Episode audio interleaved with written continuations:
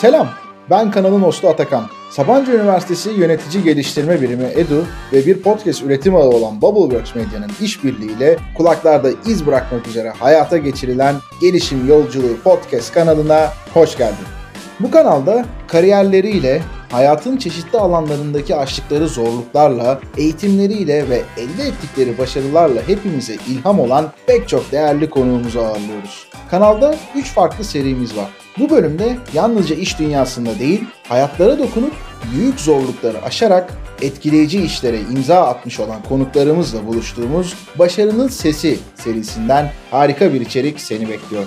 Keyifli dinlemeler.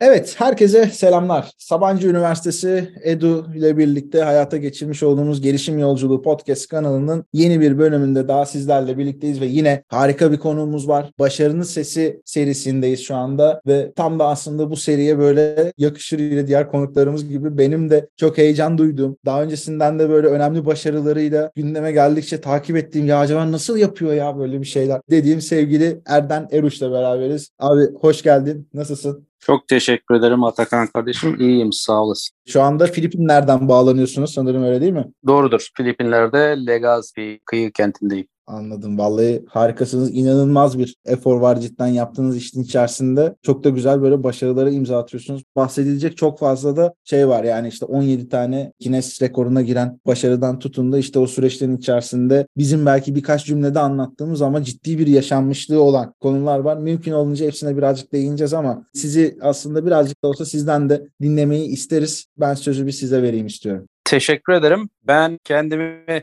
eski mühendis olarak tanımlarım. Makine mühendisliği ve mekanik mühendislik üzerine iki master'ım var. İşletme master'ım da var. Uzun süreler mühendis olarak çalıştım ve bilgi işlem konularında danışmanlık yaparken 2000 yılında piyasa sallandı. Ben Amerika'da çalışıyordum o sıralar. Daha sonra 2001 yılında malum 11 Eylül olayları oldu ve iş alımlar donduruldu falan derken 2002 Eylül ayında beraber kaya çalışırken bir arkadaşım düştü ve hayatını kaybetti. O noktada benim hayatımda yön değiştirdi dedim. Hayat kısa, hayallerimi gerçekleştirmeliyim. 97 yılında bir bilgi işlem laboratuvarında çalışırken duvarda asılı bir haritanın önünde gider gelir durur parmağımı sürerdim. Bu özel bir haritaydı. Amerikalar sağda, Pasifik ortada, eski dünya solda. Washington'daydım. Washington'dan Bering Boğaz üzerinden Türkiye'ye sürerdim parmağımı. Acaba derdim kendi kendime bunu kas gücüyle yapabilir miyim? Daha sonra bu tabii Türkiye'ye varan kişi orada durmaz, devam eder, başladığı yere döner şeklinde kafamda kurgulandı. Fakat ilk adımı atmadım tabii. Daha önce böyle şeyler yaptın mı falan gibi beni yeren yorumlar da vardı. Herkesle paylaşmamam gerektiğini de erkenden öğrendim. Bu giderek şimdi demlendi. Okuduğum kitapların arasında da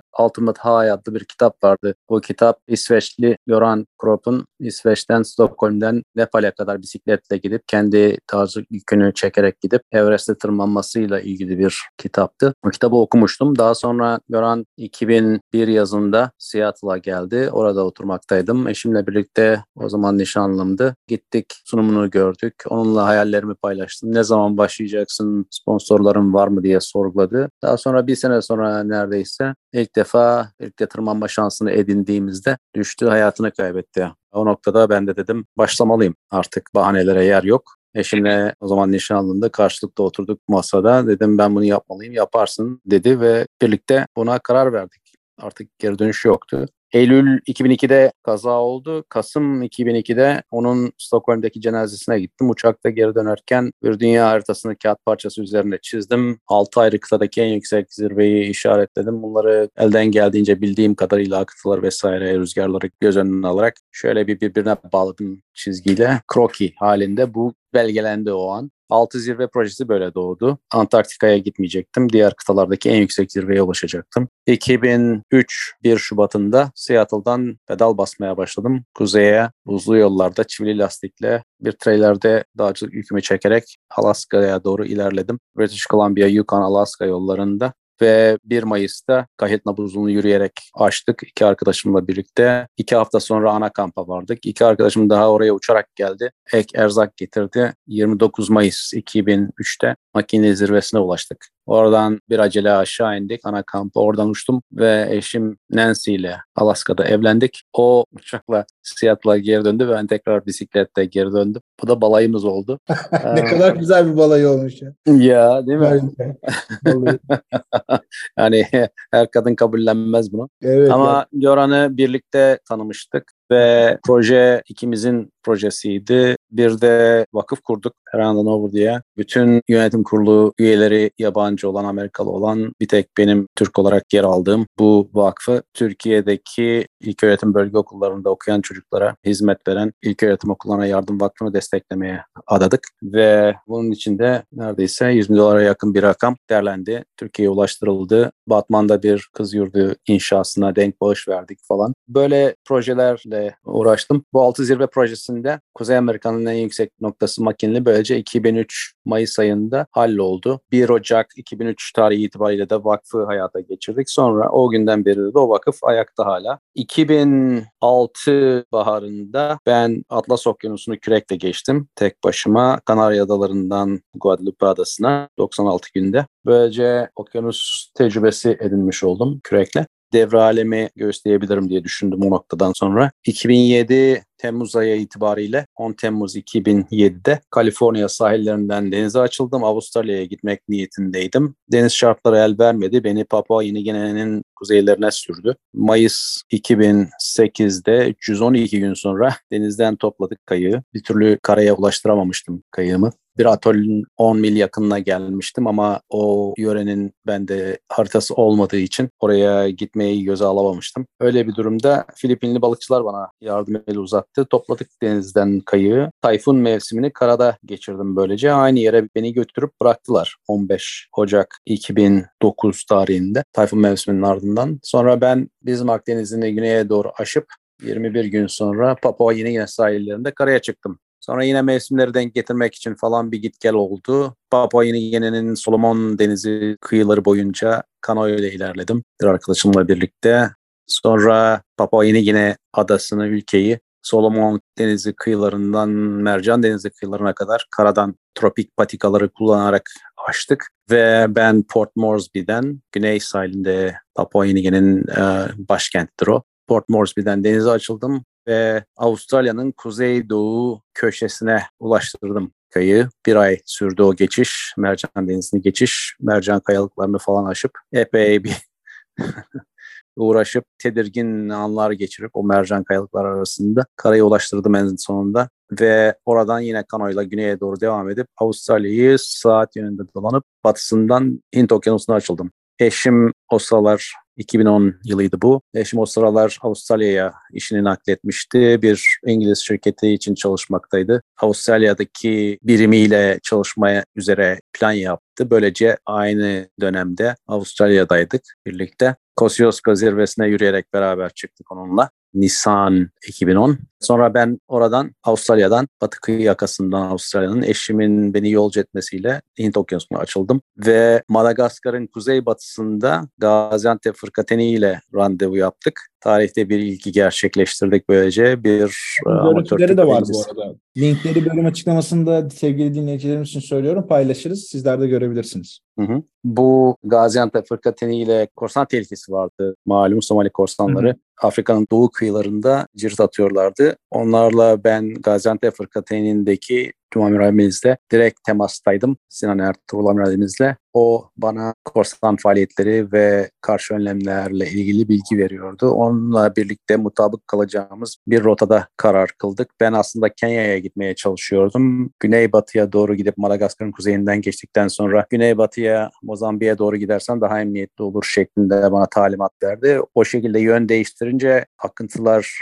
el vermedi. Madagaskar'da karaya çıkmak zorunda kaldım. Biraz vakit kaybettim. Fırtına mevsimi başlıyordu o sularda ve karaya çıkmak zorundaydım. Madagaskar'da karaya çıktım. Kasım sonunda, 2010 Kasım sonunda karaya çıktım orada. Mart ayında tekrar devam ettim oradan. Fırtına mevsimi geçtikten sonra Mozambik'te karaya çıktım. Kuzeye doğru pedal basıp babam 79 yaşında geldi. Kilimanjaro'ya tırmandık beraber. Eşim geldi. Bir düzine arkadaşım geldi. Boğaziçi Üniversitesi master yıllarımdan arkadaşım İsmail Karahan geldi. Hep beraber gül oynaya Kilimanjaro'ya tırmandık. Orada bize yardım eden hamalların çocuklarının gittiği ilkokula bir derslik yaptırmak üzere para toplamıştık. Onu da ulaştırdık yerine. Sonra bir Kanadalı arkadaşımla birlikte ben oradan yola çıktım. Güneybatıya doğru, Namibya'ya doğru pedal bastım. Tanzanya, Zambiya, Namibya şeklinde bir rota ve Namibya'dan tekrar denize açıldım. Venezuela'ya bir dokundum. 10 gün orada geçti. Oradan tekrar denize açıldım. Karayip ve Meksika körfezini geçip 69 gün sonra Louisiana'da karaya çıktım Amerika'da.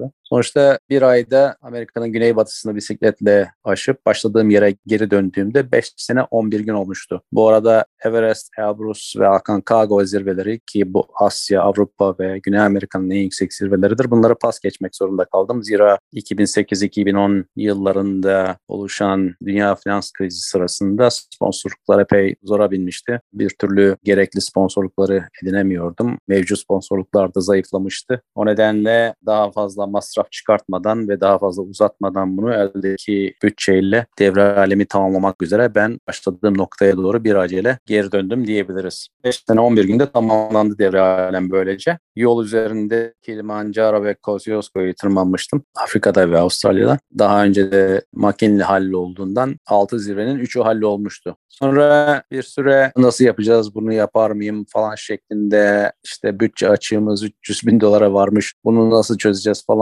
diye ben yerimde sayarken pandemi başladı. Ondan sonra düşündüm kendi kendime dedim ya ben daha önce bahane çoktu. İşte meslek vardı, kariyer dedik, işte para yoktu, 11 Eylül olayları oldu falan. Bir sürü bahane vardı başlamamak için. En sonunda bir arkadaşımın ölümüyle ben yola koyuldum. Bu sefer pandemi bahane olmaya başladı. Baktım kendi kendime dedim yeni bir trajedi mi bekliyoruz burada? Birinin ölmesi mi lazım benim harekete geçmem için? Kendi kendime yerindim dedim başlamak zorundayım. Öyle ya da böyle bu yapılacak.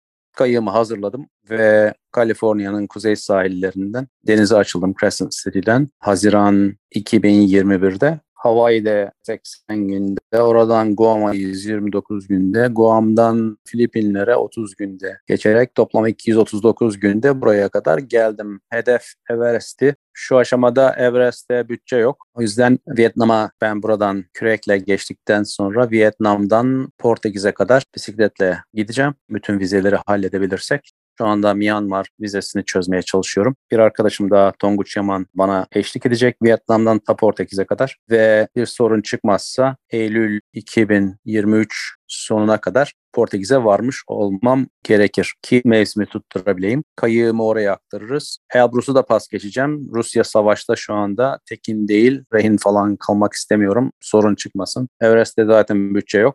O yüzden geriye bir tek Aconcagua kalıyor. Portekiz'den Güney Amerika'ya gidip Aconcagua'ya yöneleceğim. Hedef bu şu anda. Yani Erden abi araya giremedim. Çünkü yani şimdi bunları okumak başka bir şey ama hani bilmiyorum hani Türkçe olarak ben hani bu yayına hazırlanırken işte kendimce araştırdım. İngilizce kaynaklarda daha fazla anlatımlar var ama bu kadar detaylı haliyle ben dinlememiştim veya okumamıştım bilmiyorum.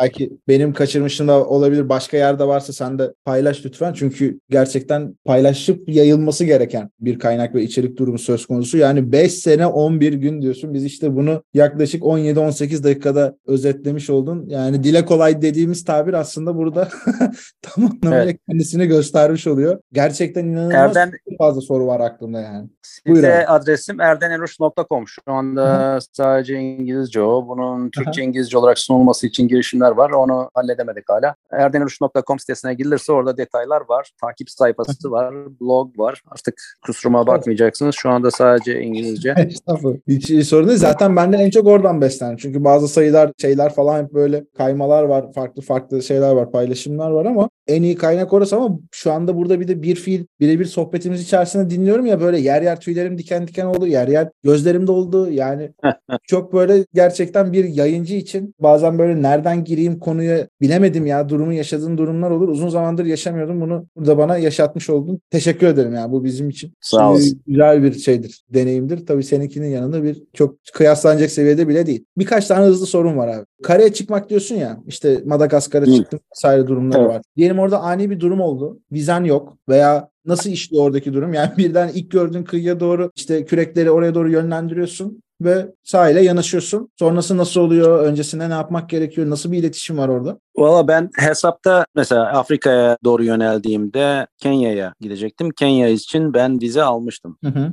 Yön değiştirince Madagaskar'da karaya çıkınca vizesiz oraya varmış oldum. Sonuçta izah ediyorsun. Diyorsun ki işte ben oraya gidecektim. Şartlar el vermedi. Bakın motorum bile yok.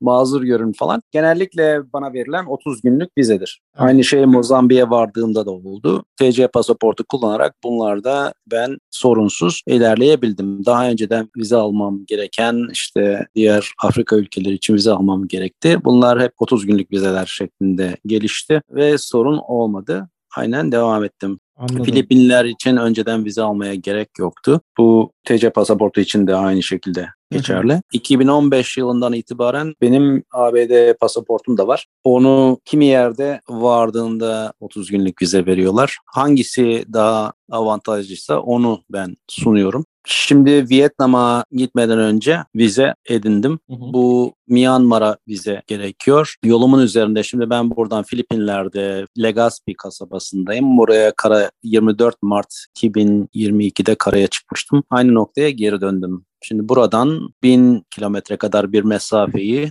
Luzon adasının en güneydoğu köşesindeyim. Ta kuzeybatı köşesine kadar bisikletle gideceğim. Böylece taktik olarak bana en elverişli yere gidip oradaki bir kıyı kasabasından, Kurimao kıyı kasabasından denize açılacağım. Kayığı orada denize indireceğiz tekrar. Karadan kamyonla aşıracağız. Sonra oradan ben Vietnam'a doğru yöneleceğim. Her şey yolunda giderse tercihim Da Nang limanına varacağım Vietnam'ın doğu kıyısındaki ve oraya vardıktan sonra kayığım bir ambara alınacak. Hı hı.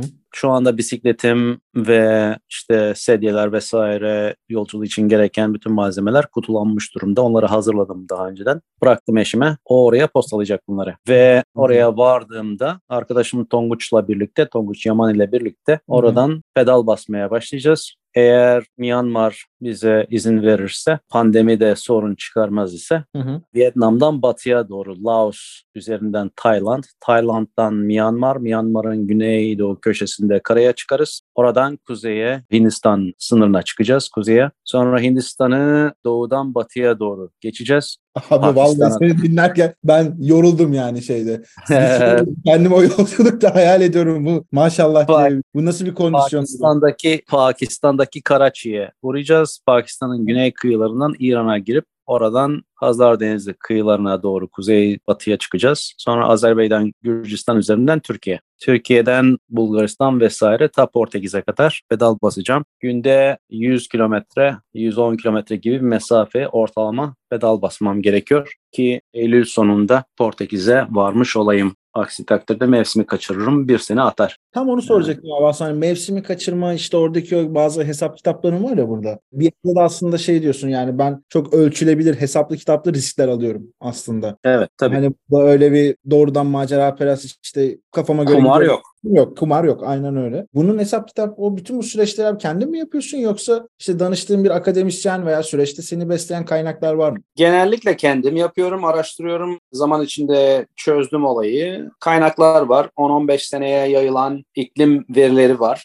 Denizlerde rüzgar gün be gün nasıl esmiş, akıntı nasıl akmış, soluganlar ne yönden nereye gelmiş, ne boyda, ne hangi aralıklı gelmiş falan. Bunların hepsi var. Kayığımı iteleyen rüzgar, dalgalar ve akıntılardır. Dalgalar solugan şeklinde uzaklardan gelir. Uzaklardaki fırtınaların ve alçak basınç sistemlerinin falan oluşturduğu dalgalar da uzaklardan böyle gelir. Ölü dalga olarak altından geçer. Bunların hepsi iteler kayığı. Rüzgarın yarattığı dalgalar var. Bu uzaktan gelen dalgalar var. Bunlar ayrı yönlerden gelir ve akıntı. Bu üç kuvvet kayığı etkiler. Şimdi benim yaptığım bu 10-15 senelik verileri çalışıp okyanusta belli bir nokta, belli bir tarihte ne beklenir? Hangi şartlar beklenir? İstatistiki olarak bir anlamaya çalışıyorum olayı önceden. Ve ondan sonra günde 30 mil, ayda 1000 mil, deniz mili bir tempoyu üzerinden ben plan yapıyorum geçiş için. En başarılması, en olası rotayı tasarlayıp ondan sonra o rotayı belirledikten sonra o rotada kalma mücadelesi veriyorum ben. Yani rastgele bir çizgi çekip A noktasından B noktasına gitmek yok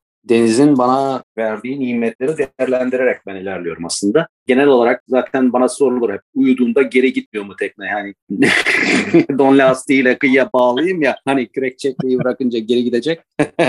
Öyle değil olay. Deniz belli bir yönde ilerliyor. Rüzgar, akıntı, dalgalar belli bir yönde kayığı taşıyor. Ben rota düzeltiyorum. Tasarladığım rotada kalma mücadelesi veriyorum. Yani kayık istediğim yönde gidiyorsa hı hı. biraz daha tempoyu düşürüp biraz daha dinlenmem, uyumam, efendim kitap okumam, güncel yazmam, sitemize falan gibi konularla uğraşmam, mesajlarla uğraşmam, çamaşır yıkamaya falan vakit ayırmam mümkün. Diğer zamanlarda aynen kayığı ilerletmek üzere mücadele ediyorum elbette. Şimdi rotayı böyle tasarlayınca buna ek olarak işte bu akıntılar vesaire ek olarak göz önüne almam gereken şey ayrıca fırtına mevsimleri, fırtına güzergahları. Hani ne zaman nerede fırtına olacak ve oluşan fırtınalar nerelerden ilerleyecek? Hangi enlemler arasında ilerleyecek? Benim gitmemem gereken, bulunmamam gereken sular var belli dönemlerde. Ona göre bir geçiş planı yapıyorum ben. Dolayısıyla karadan açıldığımda, denize açıldığımda açılacağım liman ve açılacağım tarih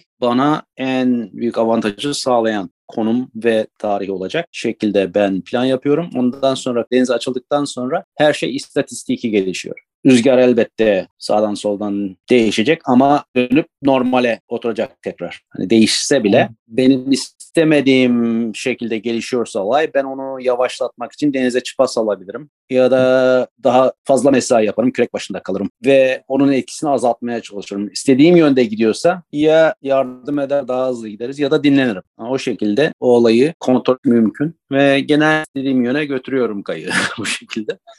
bir şey merak. Hiç böyle çok böyle işte terste kalıp hani şey diyorsun ya orada. Benim bir planlamam var ve işte onun rotasında olduğu zaman kitap bile okuyabiliyorsun. İşte bir günceni yazıyorsun, uyuyorsun vesaire. Çok böyle uzun süre akıntıya karşı Hı-hı. bir mücadele vermek durumunda kaldığında oldu mu? Akıntıya karşı mücadele vermek mümkün değil. Yapmaya çalıştığın şey o akıntı eğer lehime çalışmıyorsa ondan çıkmaktır sağına soluna gidip ondan uzaklaşmaktır. Şeyde mesela benim 2007-2008 Pasifik geçişimde ben Güney Yarımküre'ye geçmeye çalışıyordum. Deniz bir türlü ona izin vermedi. Ters akıntı vardır. Güneydoğu ticaret rüzgarları ve Güneydoğu'dan gelen ticaret rüzgarları ve Kuzeydoğu'dan gelen ticaret rüzgarları akıntıyı Kuzey Ekvator akısı ve Güney Ekvator akısı şeklinde iki bant halinde ekvatorun iki yakasında, iki tarafında, kuzeyinde, güneyinde batıya doğru akıntı yaratır. Onların arasında doğuya doğru giden ters akıntı var. Ben buna girdim ve güneyine bir türlü geçemedim ben bunun. Ki güneydeki ekvator akıntısına atlayıp onunla birlikte onun yardımıyla Avustralya'ya doğru yol alayım. Onu bir türlü aşamayınca, ters akıntıyı aşamayınca orada ben bir iki hafta dolandım. 13 gün ben daireler çizdim. Böyle bir türlü geçemedim onu. Sonra tekrar kuzeye dönüp batıya ilerlemek zorunda kaldım. Güneydoğudan esen rüzgarlar umduğumuzdan daha güçlü esiyordu. La Nina iklim şartları oluşmuştu denizde. El Niño ve La Nina birbirinin zıttıdır. Ter ters. Hani El Niño şartları olsaydı daha rahat geçerdim güneye. La Niña olunca Güneydoğu'dan gelen ekvatora yakın ticaret rüzgarlarının daha güçlü estiği bir dönemdir bu iklim vakası diyelim. La Niña dönemi. Benim şansıma o denk geldi. Bunu öngörmek mümkün değil. Bekliyorsun, görüyorsun. O Anladım. bahtına ne çıkarsa artık o tarz bir durumla karşılaştığında şimdi 13 gün diyorsun yani çok ciddi bir süre şeyi de merak ediyorum aslında. Hemen onunla bağdaştırıp sormak istiyorum. İşte geceleri normalde evde bile işte pek çoğumuz yerler çok karanlık olduğunda bir an insan içi ürperebiliyor. Şimdi koca bir otobüsün ortasında gece orada kalmak işte ne yiyip ne içiyorsun nasıl oluyor oradaki o süreç biraz o işin tam böyle deneyim kısmını bayağı bir içine girdik bence ama bir oraları da anlatabilirsen özellikle biraz önce anlattığın gibi 13 günlük bir şey yaşadığında yani nasıl rahat uyuyabilirsin nasıl yaparsın kullandığın bir teknoloji var mı orada gibi gibi şeyleri de merak ettim. Benim mücadelem sürekli kayığın ne yaptığına bağlı olarak, denizin beni nasıl itelediğine bağlı olarak değişiyor tabii. Gerektiğinde fazla mesai yapabiliyorum. Az uyuyup yoluma devam edebiliyorum. Böylesi bir dönemi son geçişimde de yaşadım. Örneğin Kaliforniya kıyılarından bir türlü açılamıyordum. Karaya doğru esen rüzgar beni Meksika kıyılarına, Güneydoğu'ya doğru taşımaya çalışıyordu. Ben Güneybatıya, Hawaii'ye doğru gitmeye, açılmaya, kıyıdan kurtulmaya çalışıyordum. Ve 3 gün boyunca günde 4 saat uyuyup kürek çekmek zorunda kaldım ki etrafımda oluşan bir anaforu değerlendirebileyim. Ufak bir alçak basınç sistemi geldi ondan faydalanabileyim. O fırsatı değerlendirdik. Ben gerekeni yaptım ve günde 4 saat uyuyup sürekli kürek başında kalarak o cendereden kurtuldum ve kıyıdan uzaklaşabildim. Öylesi efor gerekiyor bazen çünkü teknenin motoru benim. Ben çalışmazsam tekne gitmiyor. O açıdan tek başına kürek çeken tek kişiyle ilerleyen kayıklarda bu büyük bir sorun. Hı hı. İki ya da dört kişilik ekipler bu açıdan daha şanslı. Çünkü sürekli birisi kürek başında kalıp kayığı ilerletebiliyor ve mücadeleye devam edebiliyor. Dinlenmek zorunda kalmıyor. Çünkü tek başına olunca insan illaki bir ara durup dinlenmesi gerekiyor insanın. E, tabii. En sonunda bu Legazpi'de karaya çıkarken de son 72 saat epey yordu beni. Çünkü Legazpi'ye varmak için Luzon Adası'nın hemen güneyinde Samar Adası var. Bunların ikisinin arasında San Bernardino geçidi var. Akıntı orada çok seri akar, nehir gibi akar. Çünkü doğudan gelen Kuzey Ekvator akıntısı Filipin adalarına dayandığında onların arasından hızlanıp geçmesi lazım bir şekilde. San Bernardino geçidi o yüzden nehir gibi akar. Oraya taşımaması için denizin benim epey mücadele vermem gerekti. Bunun hemen kuzeyinde akıntının kuzeyde sınırında kalıp Legazpi'nin içinde bulunduğu Albay Körfezi'ne girmek durumundaydım. Uyanık kalmam gerekti. 72 saat mücadele. Son 72 saatte 40 saat ben uyanık kaldım. Ta Albay Körfezi'ne giresiye kadar ki teknenin kontrolünü kaybetmeyeyim. Beni güney batıya taşımasın. Güneydoğudan da rüzgar esiyordu. Bu ikisi bir arada hem akıntı hem rüzgar beni illaki o geçide doğru taşıyacaktı eğer kürek başında kalmasaydım. Sonra hmm. şeye girince Albay Körfezi'ne girince 3 saat kadar uyudum. Birer saatten saatimi alarm kurup uyandım. Saat başı baktım kayık ne yapıyor. Ondan sonra 12 saat daha durmadan kürek çekip Legazpi'ye 8 mil kala bir kıyıda 50 metre derinliği buldum. Oraya demir attım ve en sonunda rahat uyuyabildim. Sabaha da demiri çekemedim yukarı. Dipte epey iyi tutulmuştu. Kestim halatı devam ettim Legazpi'de karaya çıktım. Öyle oldu benim barışım yani baya zor bir barıştı 24 Mart'taki barışım. Yani abi zaten anlattığın her şey çok zor. Yani bunun içinde bir tane konu yani zor, çok zor, inanılmaz zor falan. Hani bir şey vardı bizim işte pek çok kişi de şey bir laftır böyle şakasına kullanılır işte zoru severim. Zoru hemen yaparız imkansız biraz daha vakit İmkansız alır. zaman alır aynen. Bu modda bir şey yani senin anlatmış evet. olduğun her şey. Şimdi yanlışsam düzelt lütfen sen beni. 2009 yılında 312 gün ile denizde en uzun süre kalan yalnız kürekçi. 2012'de 3 okyanusu küreklemiş ilk kişi. 2014'te kendi kas gücüyle sola devre alemi başarmış ilk kişi gibi böyle uzayıp giden toplam 17 tane Guinness rekorunu. Var. Hep yani birbirinden ekstrem yani artık buna zor demek de bir şey geliyor bana yetersiz geliyor. Bu süreçlerde hepsi anlattığın şeylerde böyle dediğim gibi insan yani aklında canlandırmakta çok zorlanıyor. Yani canlandırıyorum orada böyle dalgaların içerisinde hani boğuşan bir erden oluşuyor gözümün içerisinde. Burada şunu merak ediyorum. Sen hiç geri dönmeyi düşündüğün bir durum oldu mu? Olduysa da geri dönmemeyi nasıl başardın abi? Geri dönmek eğer fiziki olarak geri dönmekten bahsediyorsak benim denizdeyken geri dönmem kayığı gözden çıkartmam demektir. Bir Hı-hı. kere denize açıldığımda deniz zaten beni belli bir yöne taşıdığı için geri dönmek mümkün değil. İlla ki denizle birlikte gideceğim ben karşı tarafa. Aslında ben o şey açıdan... anlamda Yani tamam ben ilk bulduğum karaya çıkacağım ve bu işi bitireceğim artık. Yani bu Şu çok zorlanıyorum modunda bir şey psikolojiye girmekten bahsediyorum. Yolculuğum boyunca en zorlandığım dönem Afrika'daki dönem oldu. Afrika'ya vardığımda bütçe açığımız epey artmıştı. Eşim biraz şikayetçiydi. Kilimanjaro'ya beraber tırmandık gerçi falan ama benim Everest'te pas geçmem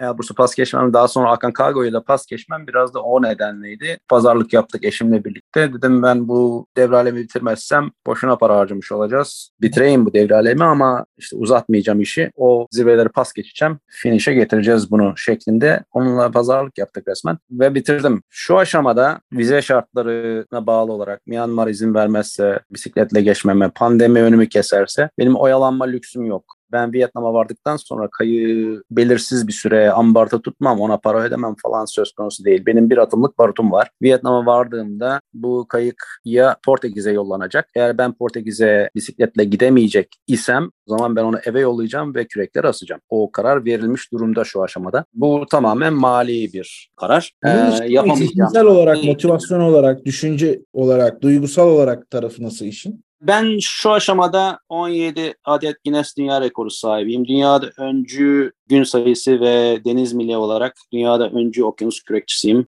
Türkiye'nin ilk ve hala tek okyanus kürekçisiyim. Bunlar öyle bir noktaya geldi ki artık Vazgeçmek seçenek bile değil diyorsun yani şeyde. bunları ilerletebilirim ama ispat edecek neyi ispat ediyoruz artık? Hani yapabileceğimi ispat ettim. Kendi paramı harcadığım sürece ben rekorlar kırarım. Bunu ispat ettik. Benim eşime verdiğim üç söz vardı denize açılmadan önce, bu yolculuğa başlamadan önce. Dedim bir, ölmeyeceğim. iki seni kaybetmeyeceğim. Üç, iflas etmeyeceğiz. Bu üç seçenekten birisi karşıma çıktığı takdirde ben yeniden durumu değerlendirmek zorundaydım. İflas etmeyeceğiz konusu önemli. Şu anda benim bütçe açım 360 bin dolara vardı. Bu emeklilik fonlarımızdan harcadığımız bir miktar bu. Ne yazık ki benim yaptığımın değerini idrak edecek yöneticilerle ben tanışmadım. Bana en büyük desteği ilk devre alem sırasında Aktaş Grup verdi ama onlar da finans krizi sırasında biraz daha temkinli davranmak zorundaydılar. Ben de durmak istemedim. Üstüne para ekledik, devam ettik ve durmadık. Ama bir yere kadar gider bu. Ben dünyada kuyruğu dik tutmaya çalışırken kendi kendimi tüketiyorum. Bir yerde gerçekçi davranıp benim tamam artık demem gerekecek. Eğer zora koşarlarsa beni pandemi nedeniyle veya bürokrasi nedeniyle vesaire geçemezsem örneğin Myanmar vizesi söz konusu olmazsa verilmezse bana o zaman geri dönerim ve eve yakın projelerde gönül eğlendirmeye devam ederim. Sonuçta yaptığım şey kendimi tatmin, kendimi ispat. Biraz da bu vakıf aracılığıyla bilhassa öğrencilere ilham kaynağı olmak. Hı hı. Onlara neler yapabileceklerini eğer akıllarına yani bu kararı verirlerse hayatta neleri başarabileceklerini gösterebilmek açısından örnek olmaya çalışıyorum. Elimde bir sürü çekim var. Bunları işte ne bileyim ben YouTube kanalında vesaire kullanmak, belgesele çevirmek falan yapılacak iş çok. Ben yolculuklardan geri adım atsam her şey bitti demek değil. Yapacak çok şey var. Eve yakın projeler yapabilirim. Aslında Evet, içerik olarak da bayağı ciddi bir hazine var yani elde. Öyle. Onları bir şekilde işlemek lazım. Ben Hı hı. şu anda ham madde derliyorum, öykü derliyorum. Bu öyküleri anlatılır hale getirmek gerekiyor. Dostumuz Çağrı Özpidecilerin büyük çabasıyla bir kitap derlendi. Dalgalar Beni Çağırıyor diye. Hı hı. Onu oturduk, güncelerimden derledik. Soru cevap şeklinde söyleşi formatında toparladık ve gayet güzel okunur bir kitap haline geldi o. Tavsiye ederim. Bunu mutlaka dostlarımız edinsinler. Orada bu güzel sorularına ek olarak detaylı olarak verdiğimiz bir sürü cevap ve öykü var. Sanırım beğenilecektir. Anladım süper. Şimdi bu seriye özel işte birkaç sorumuz var. Onları doğrudan böyle birebir formatta sormak istemiyorum ama bir genel anlamda aslında şeyi merak ediyorum abi. Senin bu hayatta evet başardım dediğin pek çok an olabilir ama bunlardan seni en tatmin eden ve gerçekten evet ya ya bu hani ölçülebilir bir şey midir başarı bilmiyorum ama o başarı anına geldiğin hani diyorsun ya işte pek çok şeyle ilgili aslında bir tatmin olmuşluk var yapabileceğini kendine ve pek çok kişiye ispatlamış durumdasın burada. O anı bize bir tarif edebilir misin?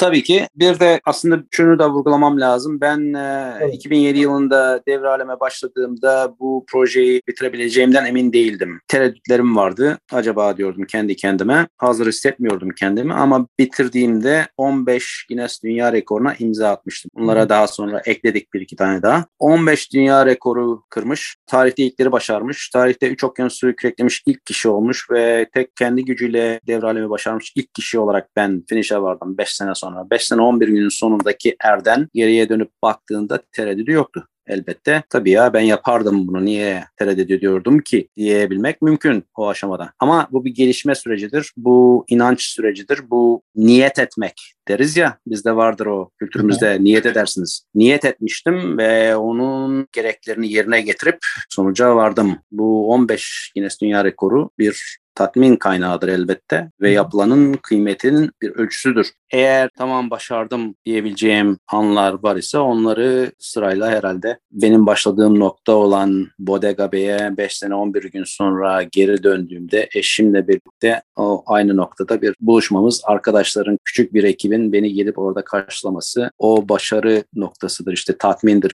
omuzlarındaki yükün hafiflemesi ve hatta sırtından o yükün atılmasıdır o. Çünkü o ana kadar o sorumluluğu taşımışım. Yolculuk benim dümenim olmuş, benim puslam olmuş. Bütün kaynaklarımı tüketmiş, zamanımı, paramı, her şeyimi, hayatımın merkezinde yer almış o yolculuk bir anda aradan çekiliyor ve bir anda huzura eriyorum. O sırtımdaki yük kalkıyor, omuzlarımdaki yük kalkıyor. O çok önemli bir duygu. Daha sonra benzer bir duyguyu şeyde yaşadım. New York'ta Kaşifler Kulübü, dünyaca prestijli Kaşifler Kulübü'nün bana verdiği ödülü kabul ederken işte papyonlu, siyah elbiseli falan smokingli gidilen bir balosu vardır. Onların her sene yapılır. Orada bana bir e, liyakat belgesi vermişlerdi Devre Alem projem sonunda. Sonra bu 2021-2022 Pasifik geçişimde denizde bir hidrofon ile ses kaydederek civardaki beaked whale bir balina türüdür bu. Bunların varlığını istatistik olarak nerede olduklarını, kaç tane olduklarını falan belgelemek için ben kayıt yaptım. Bunu daha sonra bilimsel makale olarak yayınlayacak bir bilim adamına bu verileri sağladım. O nedenle bana Kaşifler Kulübü bir şey verdi, flama verdi. Flag Expedition olarak bunu belirlediler. Bu herkese verilmez. Bilimsel amacı olan geziler, yolculuklara verilir bu. Benim için özel bir statüdür bu. Bunu edinmiştim, onu taşıdım. Sonunda bunu onlara ulaştırdım. Ve karaya ulaştığımda da burada Legazpi'de de tamam vardık ne güzel karşılandım. Burada bana yardım edecek herkes bir anda önümde belirdi. Yolda yolculuğun nimetidir. Ben karşı kıyıya vardığımda lazım olan herkes etrafında bir anda derlenir, toparlanır ve yolculuğu sahiplenirler. Bu da o yolculuğun nimeti işte. Bunlar büyük tatmin kaynakları, büyük bir huzur kaynağı. Hem başarı hem de insanların bunu sahiplenmesi, sahip çıkması. Bunların hepsi güzel duygular. Herkese nasip olur inşallah. Devam edin aynı yönde. Çabalara devam edin. Sonuçta o çabalarınızın meyvesini toplayacaksınız elbette. Bir şey soracağım abi. Demin 15 dedin ama 15 mi 17 mi? 15 2012 yılında ben devre alemi tamamladığımda 15 tane rekorum vardı. Şu an 17 ama değil mi? Şu an 17. Tamam. Benim o 312 günlük rekorum daha sonra kırıldı. Washington'dan çıkıp Avustralya'ya ulaşan bir Amerikalı 326 gün mü? 46 gün mü? Ne denizde kaldı. Neredeyse bir sene benden de uzun süre kaldı. O rekor onun olsun. Ben onu kırmak istemiyorum. Çok zorlu diye tahmin ediyorum. ben- Herkes de insan bir de çok da uzakta kalıyor. Çok aşırı yalnız bir, çok zorlu bir şey yani. Büyük bir bireysel motivasyon isteyen bir konu. Son Pasifik geçişimde denizde geçirilen toplam gün sayısını ben devraldım. Benden önce 96 yılında denizde kaybolan İngiliz Peter Bird'e aitti bu rekor 937 günle. Ben onu devraldım. Şu anda o rekor bende 1168 güne çıkarttım ben o rekoru. Kariyer Hı. toplam olarak. Yani şimdiye kadar okyanuslarda geçirdiğim gün sayısıdır bu. Bir de tek başıma küreklediğim mesafe. Neredeyse 27 bin deniz mili. Ben kayıkla geçiş yapmışım mesafe kat etmişim. Bu da bir rekordur. Bu toplamlar her defasında ilerledi. Ve tek başıma denizde geçirdiğim gün sayısı da 1084. Genel toplam iki kişilik geçişlerle 1168, tek başıma 1084. Bu üçü denizde her sabah uyandığımda sürekli ilerliyordu. Kendi rekorumu kırarak ben devam ettim bir yerden sonra. Bu şekilde de devam edecek Güney için denizinde, denize açıldıktan sonra.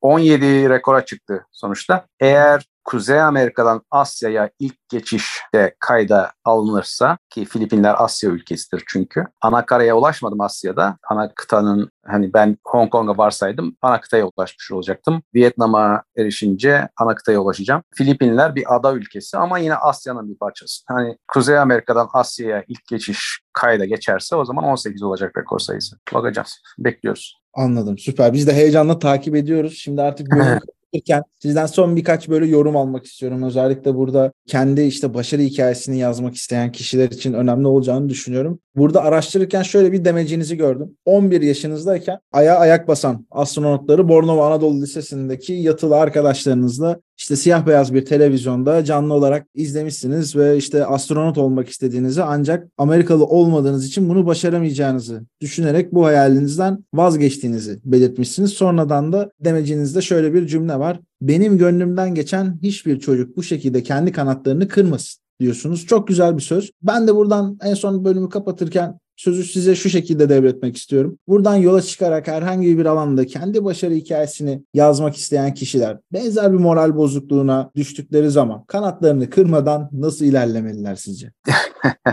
Özgüven çok önemli ve nelere kadir olduğumuzun farkında olmamız lazım. Şimdi hazır hissetmiyorsak kendimizi zaman içinde o hedefi başaracak kişiye evrileceğimize inanmamız lazım ve o yönde de çaba göstermemiz lazım. Eğer bir hedef belirlenirse uzun vadede ve arada kısa vadeli hedefler sırayla uzun vadedeki hedefe yönelik belirlenirse her ara hedefe ulaştığımızda başarıyı tadarız ve zaman içinde başarı alışkanlık haline gelir. O yüzden hedef koymak ve o hedefi çiğnenir lokmalara bölmek çok önemli. İnanmak lazım. İnandığınız takdirde devam etme gücünü bulacaksınız kendinizde. Eğer tereddüt ederseniz ve vazgeçerseniz o zaman tabii yön değiştirirsiniz. Başka yönlere savrulursunuz. Hedef olmazsa ben yatılı ilköğretim bölge okullarındaki çocuklara uydu telefonuyla ulaştığımda söylediğim şudur. Eğer kendimize hedef koymazsak sonbaharda dört duvar arasındaki sarı yaprağa benzeriz. Rüzgar bizi oradan oraya kaldırır koyar ama dört duvarın dışına çıkamayız. Eğer kendimize hedef koyarsak belli bir yönde ilerlemeye başlarız ve giderek her ara hedefte ona ulaştığımızda başarıyı tadıp başarıyı alışkanlık haline getiririz. Bu bir hayat tarzı, yaşam tarzı haline gelir. Bu şekilde düşünmek lazım ve çevremizi bize inanan, bizi destekleyen doğru insanlarla donatmamız gerekiyor. Etrafımızdaki çehreler biz yola koyulduğumuzda değişecek.